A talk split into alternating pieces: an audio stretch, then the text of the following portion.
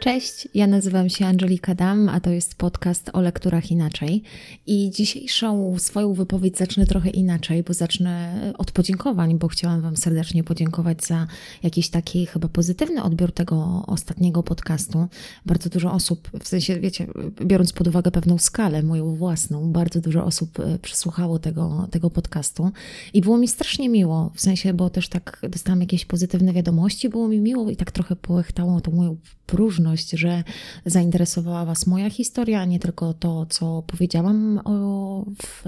to, co na co dzień mówię o literaturze, czy może to, co mówię tutaj właśnie na, na podcaście. To bardzo mi tak schle, schlebiało, czy schlebia nadal. Ale chciałabym w związku z tym powiedzieć, że jakoś tak e, poczułam, że ten, e, ten mój kanał jest poważny, że jakoś tak się zrobiło poważnie i że rzeczywiście ktoś słucha i to jest takie super sympatyczne. I postanowiłam dzisiaj taki dać pewien taki roboczy tytuł. Mam, Zastanawiam się, czy on się zachowa do, do samego momentu, kiedy już będę to publikowała, ale dzisiejszemu podcastowi dałam taki, taki roboczy tytuł Co jest poważne. I o tym, co jest poważne, chciałabym pogadać na podstawie takiego opowiadania Edward i Bóg z tomu Milana Kundery pod tytułem Śmieszne miłości. No i pewnie Milana Kundery nie trzeba Wam przedstawiać. Prawdopodobnie znany jest Wam jako autor y, jednej z najsłynniejszych książek y, w literaturze XX wieku, czyli Nieznośnej lekkości bytu. Ja sama ten utwór bardzo dobrze znam, bo często omawiam go właśnie z klasą na poziomie rozszerzonym, ale ja dzisiaj postanowiłam opowiedzieć właśnie o jednym takim maleńkim opowiadaniu, które zostało wydane w 1970 roku. W tomie właśnie Śmieszne Miłości, które na które składa się właściwie osiem opowiadań. Ja lubię omawiać z tego tomu dwa utwory, właśnie Edwa, ten utwór Edward i Bóg i taki utwór jeszcze fałszywy Autostop. Nie będę go dzisiaj opowiadać, nie będę o nim dzisiaj opowiadać, ale tylko zachęcając Was do samodzielnego przeczytania tego utworu, powiem, że on opowiada o takiej historii mężczyzny i kobiety, którzy wybierają się na urlop, właściwie dziewczyny i chłopaka i w pewnym momencie zaczynają przed sobą odgrywać taką grę e, przypadkowej autostopowiczki i, i kierowcy, który, który po prostu pomaga jej dostać się do celu. I ta gra, którą toczą, prowadzi ich do bardzo takich ciekawych i takich e, trochę chyba nieoczekiwanych e, konsekwencji. Tak muszą oni mierzyć się trochę z sobą, ze swoim wyobrażeniem na temat drugiej, drugiej osoby. No, w każdym razie ja serdecznie Was zachęcam. No i opowiem dzisiaj właśnie o Edwardzie i, i, i Bogu.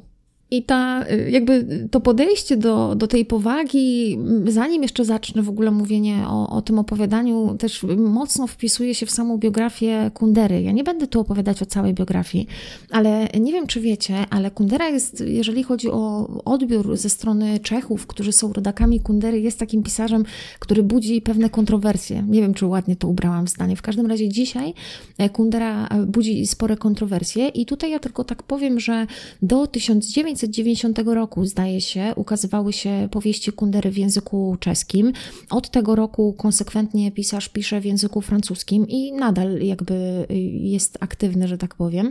Mm, I ważne jest to, że właściwie Czechy postanowił Kundera opuścić w roku 1975. Wtedy właśnie wyemigrował do Francji. Tak zrobiło zresztą wielu e, po, w tych konsekwencjach po praskiej wiośnie. I, i z, z tego co wiem, e, to do dzisiaj nie ukazują się e, w Czechach przykłady powieści Kundery napisane po francusku, czyli te które, powieści, które napisał już w języku francuskim, to nie zgadza się ich na publikację ich w języku, w języku czeskim. I może to y, budzić pewne kontrowersje i może Wam się wydawać, że może wynika to z tego, że jak ten Kundera wyjechał z tych Czech, to na przykład potem nie zdecydował się do Czech wrócić, a może też y, moglibyście stanowić się, że może, nie wiem, jakaś ta decyzja budziła jakieś ogromne kontrowersje. Y, jest trochę inny powód, ale też ja bym tak powiedziała, że bardziej do tej takiej niechlubnej legendy Kundery w Czechach przyczynił się sam Kundera niż, niż, niż powiedzmy opinia publiczna. Chociaż opinia publiczna zawrzała w momencie, kiedy w, 2000, w 2008 roku bałam się, że popełnię ten błąd. Zawsze pilnuję moich uczniów, żeby właściwie e, jakby tutaj wskazywali czy wypowiadali e, daty. W każdym razie w 2008 roku ukazał się taki artykuł, który, który poruszał kwestię takiej tak zwanej afery dworaczka. Chodzi tutaj o to, że Kundera w latach 50. jako 21-latek e, prawdopodobnie złożył na ręce bezpieki dom, donos na znajomego swojej przyjaciółki z akademika, zresztą właśnie tego dworaczka. Ja nie będę opowiadać Wam całej tej sytuacji, ale jak możecie rozumieć, y, tego typu jakby zabieg, który wskazywał na przeszłość Kundery, no jakby no, nie, nie sprawił, że, że, że społeczeństwo,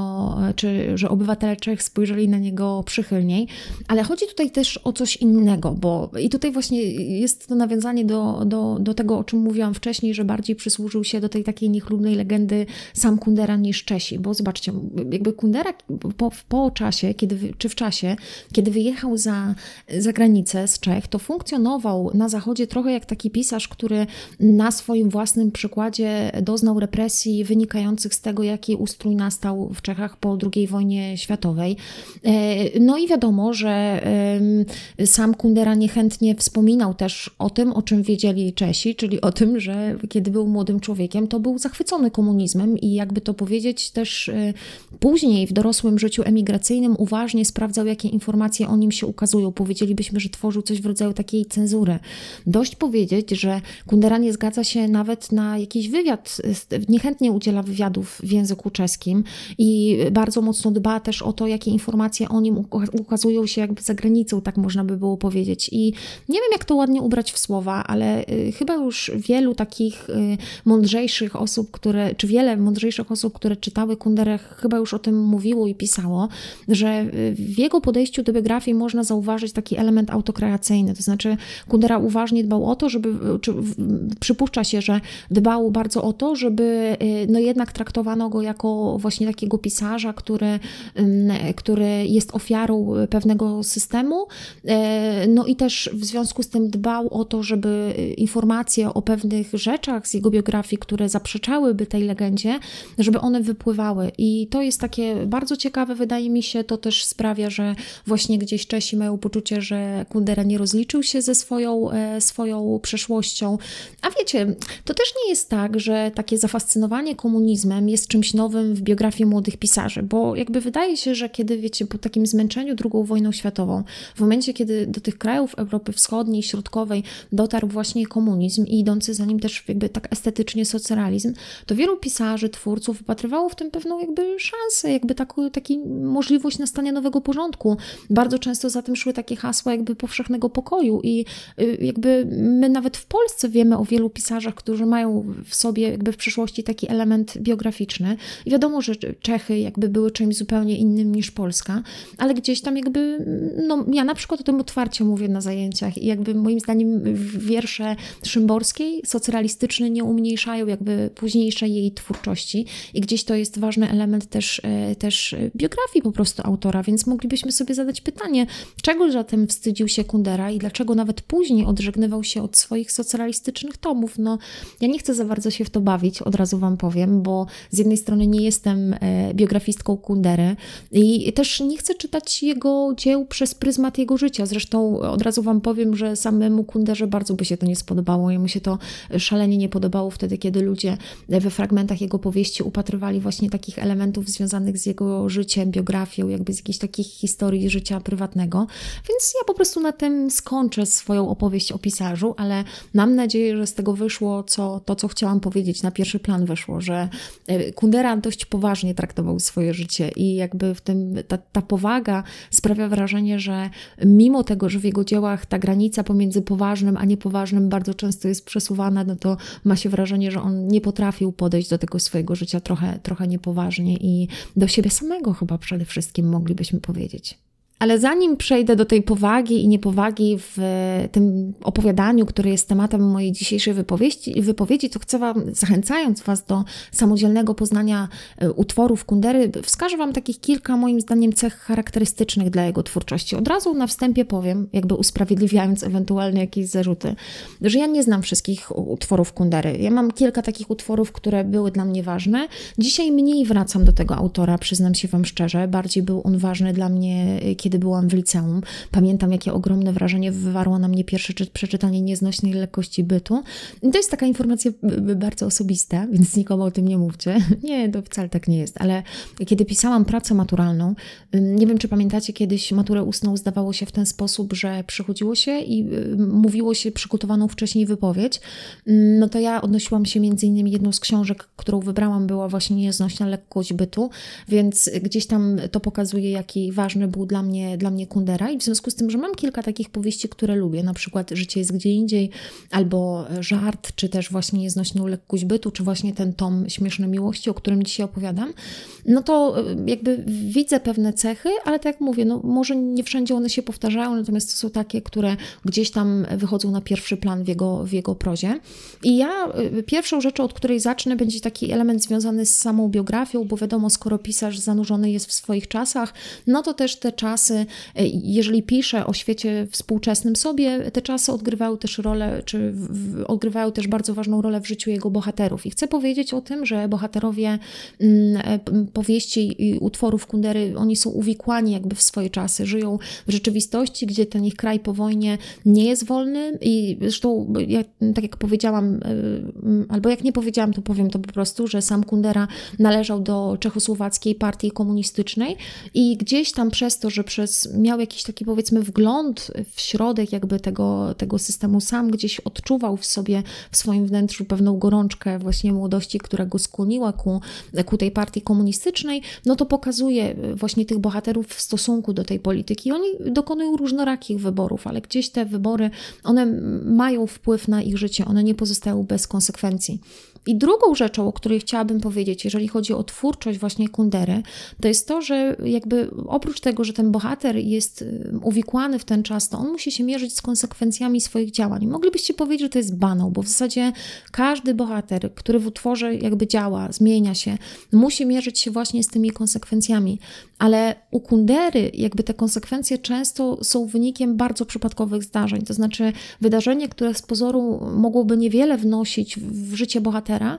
nagle staje się przyczyną y, zupełnie niespodziewanych wydarzeń, które zmieniają, zmieniają cały jego los. I to jest takie ciekawe. I w tym losie bohatera bardzo często, czy w ten los bohatera bardzo często wpisane jest też jest właśnie przekraczanie granic, bo e, zdaje się, że sam pisarz kiedyś to powiedział, że właśnie ten pisarz konkretnie, że on pozwala swoim bohaterom na pewne przekroczenie granicy, której sam by nigdy nie przekroczył. To znaczy, jakby jego bohaterowie podejmują często decyzje, na które on sam by się nie odważą. Ale mi się wydaje, że w tym jest pewna doza kokieterii. Ja bym nie wierzyła tym słowom Kundery, no, znaczy nie brałabym ich na poważnie. I jeżeli ktoś z Was czytał kiedyś właśnie czy nieznośną lekkość bytu, czy jakiś, jakiś inny tekst tego autora, to na pewno pierwszą rzeczą, która gdzieś Wam się rzuciła w oczy, jest taki element filozofii.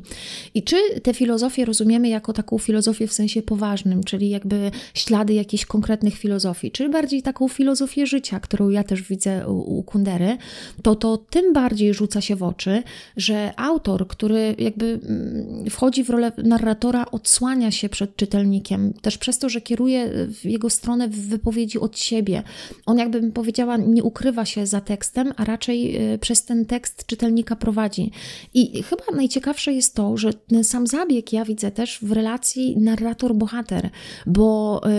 narrator jakby idzie za bohaterem, raczej go nie wyprzedza, ale ta bliskość jest w jakiś sposób taki uderzająca, zwłaszcza z, z połączeniem tego z tymi zwrotami ku czytelnikom. I oczywiście, że ten narrator jest narratorem wszechwiedzących, on nie wie, wszechwiedzącym, ale nie wiem, czemu mam takie wrażenie, on narzuca, bo narzuca mi się tutaj pewne określenie, że narrator Kundery jakby obnaża bohatera. Y, y, y, nie wiem, chyba ma to tak, ten połącz, to, chyba to wynika z tego połączenia z intymnością, o której mówiłam wcześniej, ale wydaje się, jakby jego stosunek do bohatera był taki raczej pobłażliwy. I właśnie gdzieś w tych takich miejscach, gdzie widzimy z jednej strony właśnie zwrot tego narratora do czytelnika, ale też właśnie taką ocenę przez narratora e, działań bohatera, to właśnie tam są takie pęknięcia, powiedzmy, narracyjne, w które Kundera może umieścić te swoje takie wtręty filozoficzne, czy takie uwagi filozoficzne. E, one, często, one są często też w nawiasach umieszczane, gdzieś właśnie one towarzyszą całej historii, która została ukazana. I wydaje mi się, że jak przeczytaliście, chociaż może to tak niespójnie brzmiało, bo powiem Wam szczerze, bardzo trudno mi było ułożyć sobie w głowie, jak mogłabym powiedzieć o tej narracji Kundery i mam nadzieję, że ci z Was, którzy przeczytali, jakby rozumieją o co mi chodzi, że gdzieś e, e, ten, ten narrator jest taki namacalny, mocno, jest taki specyficzny i o, kiedyś powiedziałam tak na uczniach, e, z uczniom na pewnych zajęciach, że wydaje mi się, że Kundera jest jednym z pisarzy, że gdyby ktoś dał takiemu, no, gdyby ktoś dał mi tekst Kundery i nie podpisawszy go wcześniej, to znaczy nie wiedziałabym, że, że to jest właśnie tekst tego autora, to chyba bym rozpoznała właśnie poprzez ten taki charakterystyczny sposób e, prowadzenia narracji. I gdzieś z tej narracji wypływa też to, że chyba ktoś, kto zna twórczość tego autora, zgodziłby się, że jego utwory są takie męskie. I nie chodzi mi wcale tu o to, że e, te utwory są adresowane do mężczyzn, absolutnie nie. I, ale bardziej chodzi mi tu zarówno o taką specyficzną męskę, męską perspektywę w sensie ogólnym, czyli jakby po pierwsze chodzi tu też mi o to, że przede wszystkim bardzo często bohaterem głównym opowiadań Kundery jest właśnie mężczyzna, ale też ten narrator jakby ma takie męskie spojrzenie moim zdaniem, ale też mówiąc o tej męskości mam na myśli trochę taki pewien seksizm, który u Kundery e, chyba możemy, możemy zauważyć, bo świat Kundery to jest świat raczej mężczyzn i są oczywiście wyjątki, gdy jego bohaterki są rysowane prawie z taką samą powagą jak mężczyźni, ale na ogół właśnie świat Kundery jest to, jest to moim zdaniem świat e, mężczyzn. No i ostatnią rzeczą, o której muszę wspomnieć, to jest to, że właśnie na tle tej polityki, o której już wspomniałam, i też tej filozofii, o której też już mówiłam, wyrastają e, jako temat główny jego utworów e, takie historie o relacjach, czy, czy może historie miłosne. I to są, zarówno jest to miłość na przykład rodzicielska, bardzo często jest to miłość erotyczna, e, miłość pomiędzy dwojgiem ludzi w sensie i takim intelektualnym, i fizycznym. I chyba można powiedzieć, że te relacje uchwycone są w całej swojej takiej takiej e, skomplikowanej naturze, że e, pokazane jest bardzo często jak mały gest w jakiejś relacji ma ogromne znaczenie, ale też e, często przypadkowa rzecz prowadzi do rozejścia się jakby dróg dwóch, dwóch osób i często jakby to, jak w jaki sposób one pozostają ze sobą w relacji, nie jest nawet wynikiem tej relacji, ale też w ogóle tego, kim jesteśmy jako pojedynczy ludzie. To znaczy, że jakby relacja jest połączeniem dwojga osób, które bardzo często w różny sposób jakby widzą ten związek i właśnie to też interesuje, interesuje, e, interesuje Kunderę. I często jest tak, że to, jak ukazywane są te relacje, nie kończy się jakimś happy endem, a sporo jest właśnie jakiejś takiej przypadkowości, właśnie tej konieczności mierzenia się z konsekwencjami takich emocji mm, chcianych przez bohatera, czy jakby tak mocno przez niego eksponowanych, ale też emocji, z których na przykład, czy takich świadomych, o tego szukałam słowa, przepraszam, czy takich, z których totalnie nie zdawał on sobie sprawy. No i tak pewnie mogłabym jeszcze powiedzieć o paru kwestiach, ale ja w zasadzie tak, żeby przejść do tej mojej części o, o tym, co jest poważne w życiu Edwarda, chciałabym zwrócić uwagę jeszcze na jedną rzecz, że moim zdaniem proza Kundery traktuje też o tym, co jest poważne i niepoważne w naszym życiu. I autor próbuje pokazać, że ta sama rzecz, ta sama osoba, ta, to samo zdarzenie mm, jakby może być różnorako przez nas odbierane w sposób poważny albo niepoważny, bo to wynika i też y, jakby to jest związane z tym, że nasz stosunek do danej rzeczy, elementu rzeczywistości też się zmienia i to, że teraz coś traktujemy w sposób poważny, jakby nie znaczy wcale, że, że za chwilę nie zmieni się ten nasz sposób postrzegania i nie będziemy tego postrzegać w sposób niepoważny. I bardzo często jakby jest też uchwycone pewne przejście, te, te, te, przekroczenie tej granicy pomiędzy tym, co, co poważne, a niepoważne, co bohater traktuje jako, jako coś ważnego albo, albo, albo nieważnego. I często właśnie, jak mówiłam wcześniej o tych relacjach, to w ciekawy sposób te, to przejście pomiędzy tym, co niepoważne, a poważne, albo odwrotnie, y, jakby jest pokazane właśnie w, w relacji damsko-męskiej i, i wiele utworów właśnie o tym traktuje. I teraz chciałabym przejść właśnie do tej drugiej części mojej wypowiedzi, którą nazwałam sobie roboczo tak, co jest poważne w życiu Edwarda. I właśnie mówiąc o tym, będę się opierać na tym opowiadaniu Edward e-book. I w tym momencie, jeżeli y, może kogoś z Was do tego skłonię, y, chciałabym, żebyście spauzowali i po prostu przeczytali to opowiadanie. Ja wiem, że to jest niemożliwe, takie nakłonienie, ale z drugiej strony ja dzisiaj bardzo dużo będę mówić o tym opowiadaniu i trochę zepsuję puentę, bo opowiem właściwie o o, o, całości tego opowiadania, oczywiście nie, nie bardzo szczegółowo i tutaj wiadomo, no, też dlatego chciałabym, żebyście sami mieli szansę skonfrontować moje słowa i zastanowić się nad tym, y, jak ja to widzę i czy to jest też dla Was uchwytne, te wszystkie elementy, o których dzisiaj będę mówić. Ale zacznę od tego, że e, właśnie Edward jest, e, jest bohaterem, który pełni rolę, czy po prostu jest nauczycielem w, e, w małym czeskim miasteczku i te prace Edward uzyskuje dzięki temu, że dyrektorka szkoły ma powiedzmy taki dług do spłacenia wobec jego brata, bo ona w przeszłości, jeszcze na uniwersytecie, oskarżyła tego brata o prowokacje polityczne i doprowadziła do tego, że ten brat y, y, musi, y, musi zostaje relegowany z uczelni, przepraszam. No i w związku z tym wyjeżdża na wieś, tam zakłada rodzinę, nawet buduje domek weekendowy i w ogóle spotkanie Edwarda z bratem, o którym teraz wspomniałam, będzie pewnego rodzaju klamrą jakby tego utworu. Ono, ono się rozpocznie od tego spotkania i nawet narrator wprost powie, że jakby tutaj uchwyćmy to spotkanie właśnie e, w tym momencie, a potem będzie takie spotkanie już pod koniec utworu, gdzie brat, to może akurat to będzie rzecz, o której nie powiem aż tak mocno, e, że brat e, powie taką pewną niepochlebną opinię na temat Edwarda i wtedy zostaniemy skonfrontowani jakby z tym, co było na początku i do czego doprowadziła ta, ta krótka historia, przed, którą przed nami roztoczył właśnie ten, ten, ten narrator. No ale chciałam tu zacząć od tego, że Edward tej swojej pracy, mimo tego, że jest nauczycielem i może się wydawać, że to praca bardzo poważna, no to on tej pracy poważnie nie traktuje, bo ona nie płynie z powołania, a jego zawód raczej wynika z takiego zapotrzebowania kadrowego. Wiecie, mówimy o rzeczywistości, jakby, no właśnie, tej rzeczywistości komunistycznej i w związku z tym, e, jakby to, jaki zawód e, pełni e, towarzysz, wynika z tego, jakie jest właśnie zapotrzebowanie społeczne. I wiadomo, że ten bohater traktuje tę pracę w tym sensie poważnie, że e, traktuje ją przede wszystkim jako źródło, źródło zarobku, ale nie podchodzi do tego w taki sposób wewnętrznie poważny. Jakby ona, też ta praca w swojej szczegółowości nie zostanie opisana przez Kunderę. Raczej wiemy, że ten bohater gdzieś tam, gdzieś tam, gdzieś tam pracuje w tej szkole, będzie wątek ze szkołą związany, natomiast sama treść tej pracy nie staje się przedmiotem, przedmiotem opowiadania. Natomiast mocniej wyeksponowany jest taki drugi wątek życia Edwarda i to jest taki związek e, z bohaterką, inną bohaterką I on podchodzi do tego związku bardzo poważnie. I przede wszystkim dlatego, że jego ukochana jest postacią, jest osobą bardzo religijną i to taką, która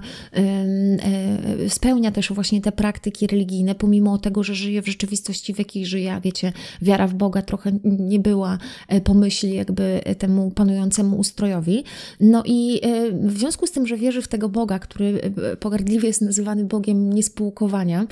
bo w taki sposób manifestuje swoją wiarę, wiarę właśnie Alicja, że nie chce współżyć z Edwardem, a Edwardowi bardzo na tym zależy i po to, by przekonać dziewczynę do tego, udaje osobę religijną. Wiecie, najpierw przy pomocy argumentów religijnych, nawet takich intelektualnych, zdaje się, że ze świętego Augustyna, próbuje ją przekonać właśnie do, do rozpoczęcia tego współżycia. No i nawet wspólnie z nią uczestniczy w mszach. Pewnego razu jest widziany przez dyrektorkę szkoły pod kościołem, potem y, jedna z, y,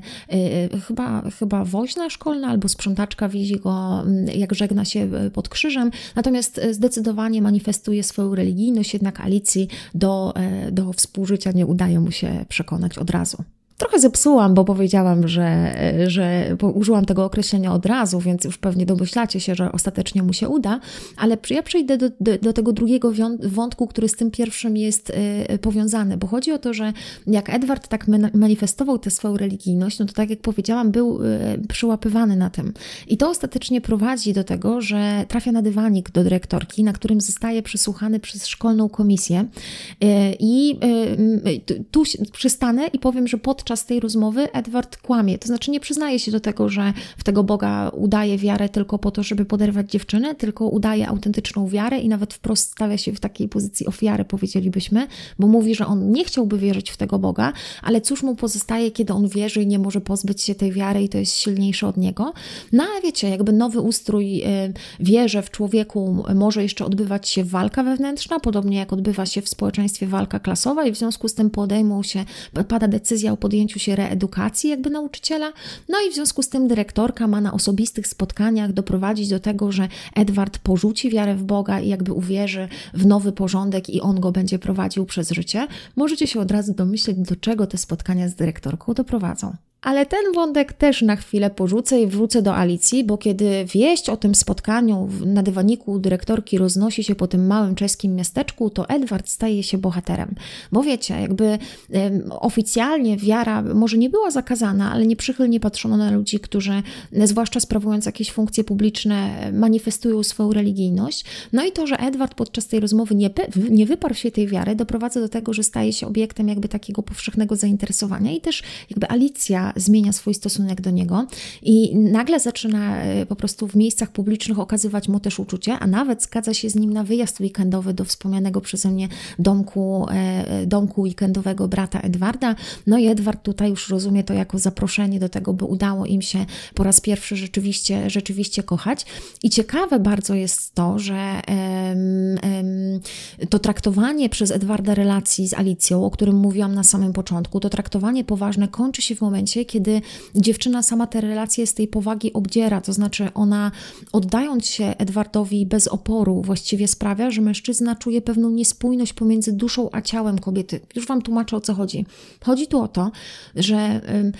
Edward spodziewał się, że w momencie, kiedy dojdzie do tego stosunku seksualnego pomiędzy nim a Alicją, to, y, to jakby będzie to dla niego głębokie przeżycie. A okazało się, że Alicja zrobiła to tak, powiedziałabym, mimochodem, to znaczy jakby nie okazała jakiejś specjalnej powagi, czy nie, nie pokazała, że jest to dla niej ważne wydarzenie. I w związku z tym Edward ma takie poczucie, że ona cały czas mówiła o jednym, a tak naprawdę jakby jej ciało zrobiło coś zupełnie innego i czuje tę niespójność. I w związku z tym traci powagę, jakby którą miał właśnie przez te relacje. Odrzuca też dziewczynę, kiedy wracają z powrotem do miasta, no to zrywa z nią, co przy okazji pokazuje, jaki Edward jest, jakim Edward jest hipokrytą, bo weźcie pod uwagę, że on tej dziewczyny tak naprawdę szczerze nie kocha, a ona wyznaje mu skądinąd w innym fragmencie tego opowiadania miłość. I też nie traktuje jej tak naprawdę poważnie, skoro w tym akcie jej oddania się upatruje jakieś wyrzek- nie rozumie tego wyrzeknięcia się przez nią tej wiary w Boga jako pe- pewne oddanie się jemu jako mężczyźnie. To znaczy, on tego tak nie widzi, w każdym razie jakby nie ma problemu z tym, żeby Alicję ocenić i właśnie te relacje, relacje porzucić. I wróćmy jeszcze na chwilę do dyrektorki i do tej reedukacji, o której Wam wcześniej powiedziałam. Nie wiem, czy ten termin jest trafny, mam nadzieję, że tak. Bo chodzi o to, że ta dyrektorka w międzyczasie, kiedy tutaj Edward jakby cieszy się powszechnym szacunkiem w miasteczku, zaprasza go do siebie do mieszkania, to jest jakaś chyba zdaje się kawalerka. I tak jak powiedziałam chyba na samym początku, dyrektorka nie należy do pięknych e, kobiet. Mm, I Edward odczytuje to jako pewną słabość i w związku z tym e, sprawia wrażenie wobec niej takiego mężczyzny, który jest nią bardzo bardzo mocno zainteresowany, nawet mówi e, dyrektorce, że ona mu się podoba, żeby uratować się, bo uważa, że to brzmi nieautentycznie, mówi, że lubi takie kobiety o takich ciemnych włosach. Niemniej dochodzi pomiędzy nimi do współżycia i to jest bardzo ciekawe, bo jakby ten pierwszy raz, kiedy Edward próbuje się przełamać, bo nie może się zmusić do stosunku, dlatego że mm, no nie podoba mu się kochanka, no to dochodzi do niego w takiej atmosferze, powiedziałabym, trochę sakralnej, to zostawiam Wam jakby też zapoznanie się z tą sceną, bo ona jest jest bardzo ciekawa, co, co podnieciło ostatecznie Edwarda i udało, e, udało mu, dzięki czemu udało mu się, e, udało mu się powiedzmy,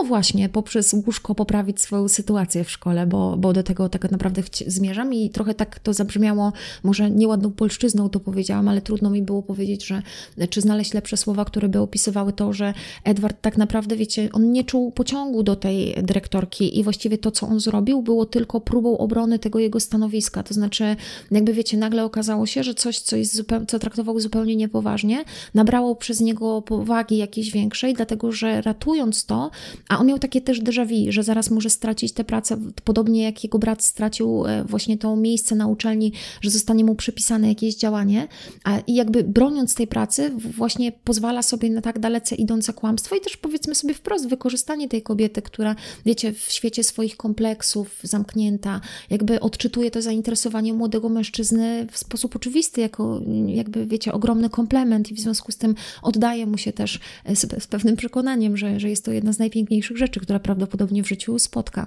Jak kończy się to opowiadanie? No, okazuje się, że Edward, y, że nawet Edward y, potrzebuje w swoim życiu czegoś, co nada mu powagi. On sobie nie zdaje z tego sprawy chyba tak naprawdę, czy te prace do końca poważnie, czy niepoważnie traktuje, stracił powagę w relacji z Alicją. W związku z tym, co się dzieje? No, udaje się, Kundera pokazuje nam taką ostatnią scenę, która, która, która wyraźnie wskazuje na, na obecność bohatera w, jakby w kościele po prostu. Nie, nie wiem, dlaczego tak się z tym zbierałam. I to nie chodzi wcale o to, że w finale tego utworu Edward wreszcie uwierzył w istnienie Stwórcy. Bóg jest raczej dla bohatera przeciwwagą wobec y, nieistotnej rzeczywistości. I wracając tak do początku, no właśnie, o, o, tym jest to opowiadanie. Ono jest e, właśnie o tej próbie znalezienia czegoś, co jest poważne i też o, o tym stosunku do rzeczywistości, który pozwala nam stwierdzić, które elementy tej rzeczywistości są poważne, a które są niepoważne. Ale też mam nadzieję, że e, wyszło też to, o czym mówiłam wcześniej, co jest typowe dla, dla właśnie twórczości Kundery, też ta rola przypadku, bo wiele rzeczy, które się dzieją w życiu Edwarda, dzieją się właśnie z przypadku, bo nie zawsze jest tak, że Edward z premedytacją kłamie. Czasem jego działanie jest wynikiem chwili, jakby jakiegoś takiego jednego działania, za którym musi iść kolejne, jakby żeby udowodnić konsekwencje tego postępowania. I to jest bardzo ciekawe, bo e, wydaje mi się, że często my nie rozumiemy dość dobrze siły przypadków w naszym życiu, zwłaszcza w jakimś takim współczesnym świecie, gdzie lubimy wszystko planować efektywnie i, i mieć wszystko pod kontrolą. A tutaj jest pokazane trochę właśnie to wymknięcie się spod kontroli. Ono nie chcę, żeby tak wybrzmiało, że prowadzi do pozytywnych konsekwencji. I też nie chcę, żebyście też myśleli, że ten bohater ukazany przez Kundery jest portretowany przez niego pozytywnie, bo mi się wydaje, że w momencie, kiedy my widzimy Edwarda w ostatniej scenie tego utworu, to raczej mamy taką, jako czytelnicy, gorzką refleksję na temat tego, do czego sam ten bohater doprowadził i w jakiej obecnie sytuacji się znajduje. No i na dzisiaj to tyle. Mam nadzieję, że moją wypowiedzią taką właśnie, o, trochę niestandardową, bo też z samą puentą uchwyconą tego utworu, że mimo wszystko zachęci Was do przeczytania właśnie e, e, Edwarda i Boga. No i też w ogóle polecam Wam serdecznie cały, zarówno ten tom e, Śmiesznej Miłości, jak i właśnie twórczość Milana Kundery. To dzięki za dzisiaj i do usłyszenia.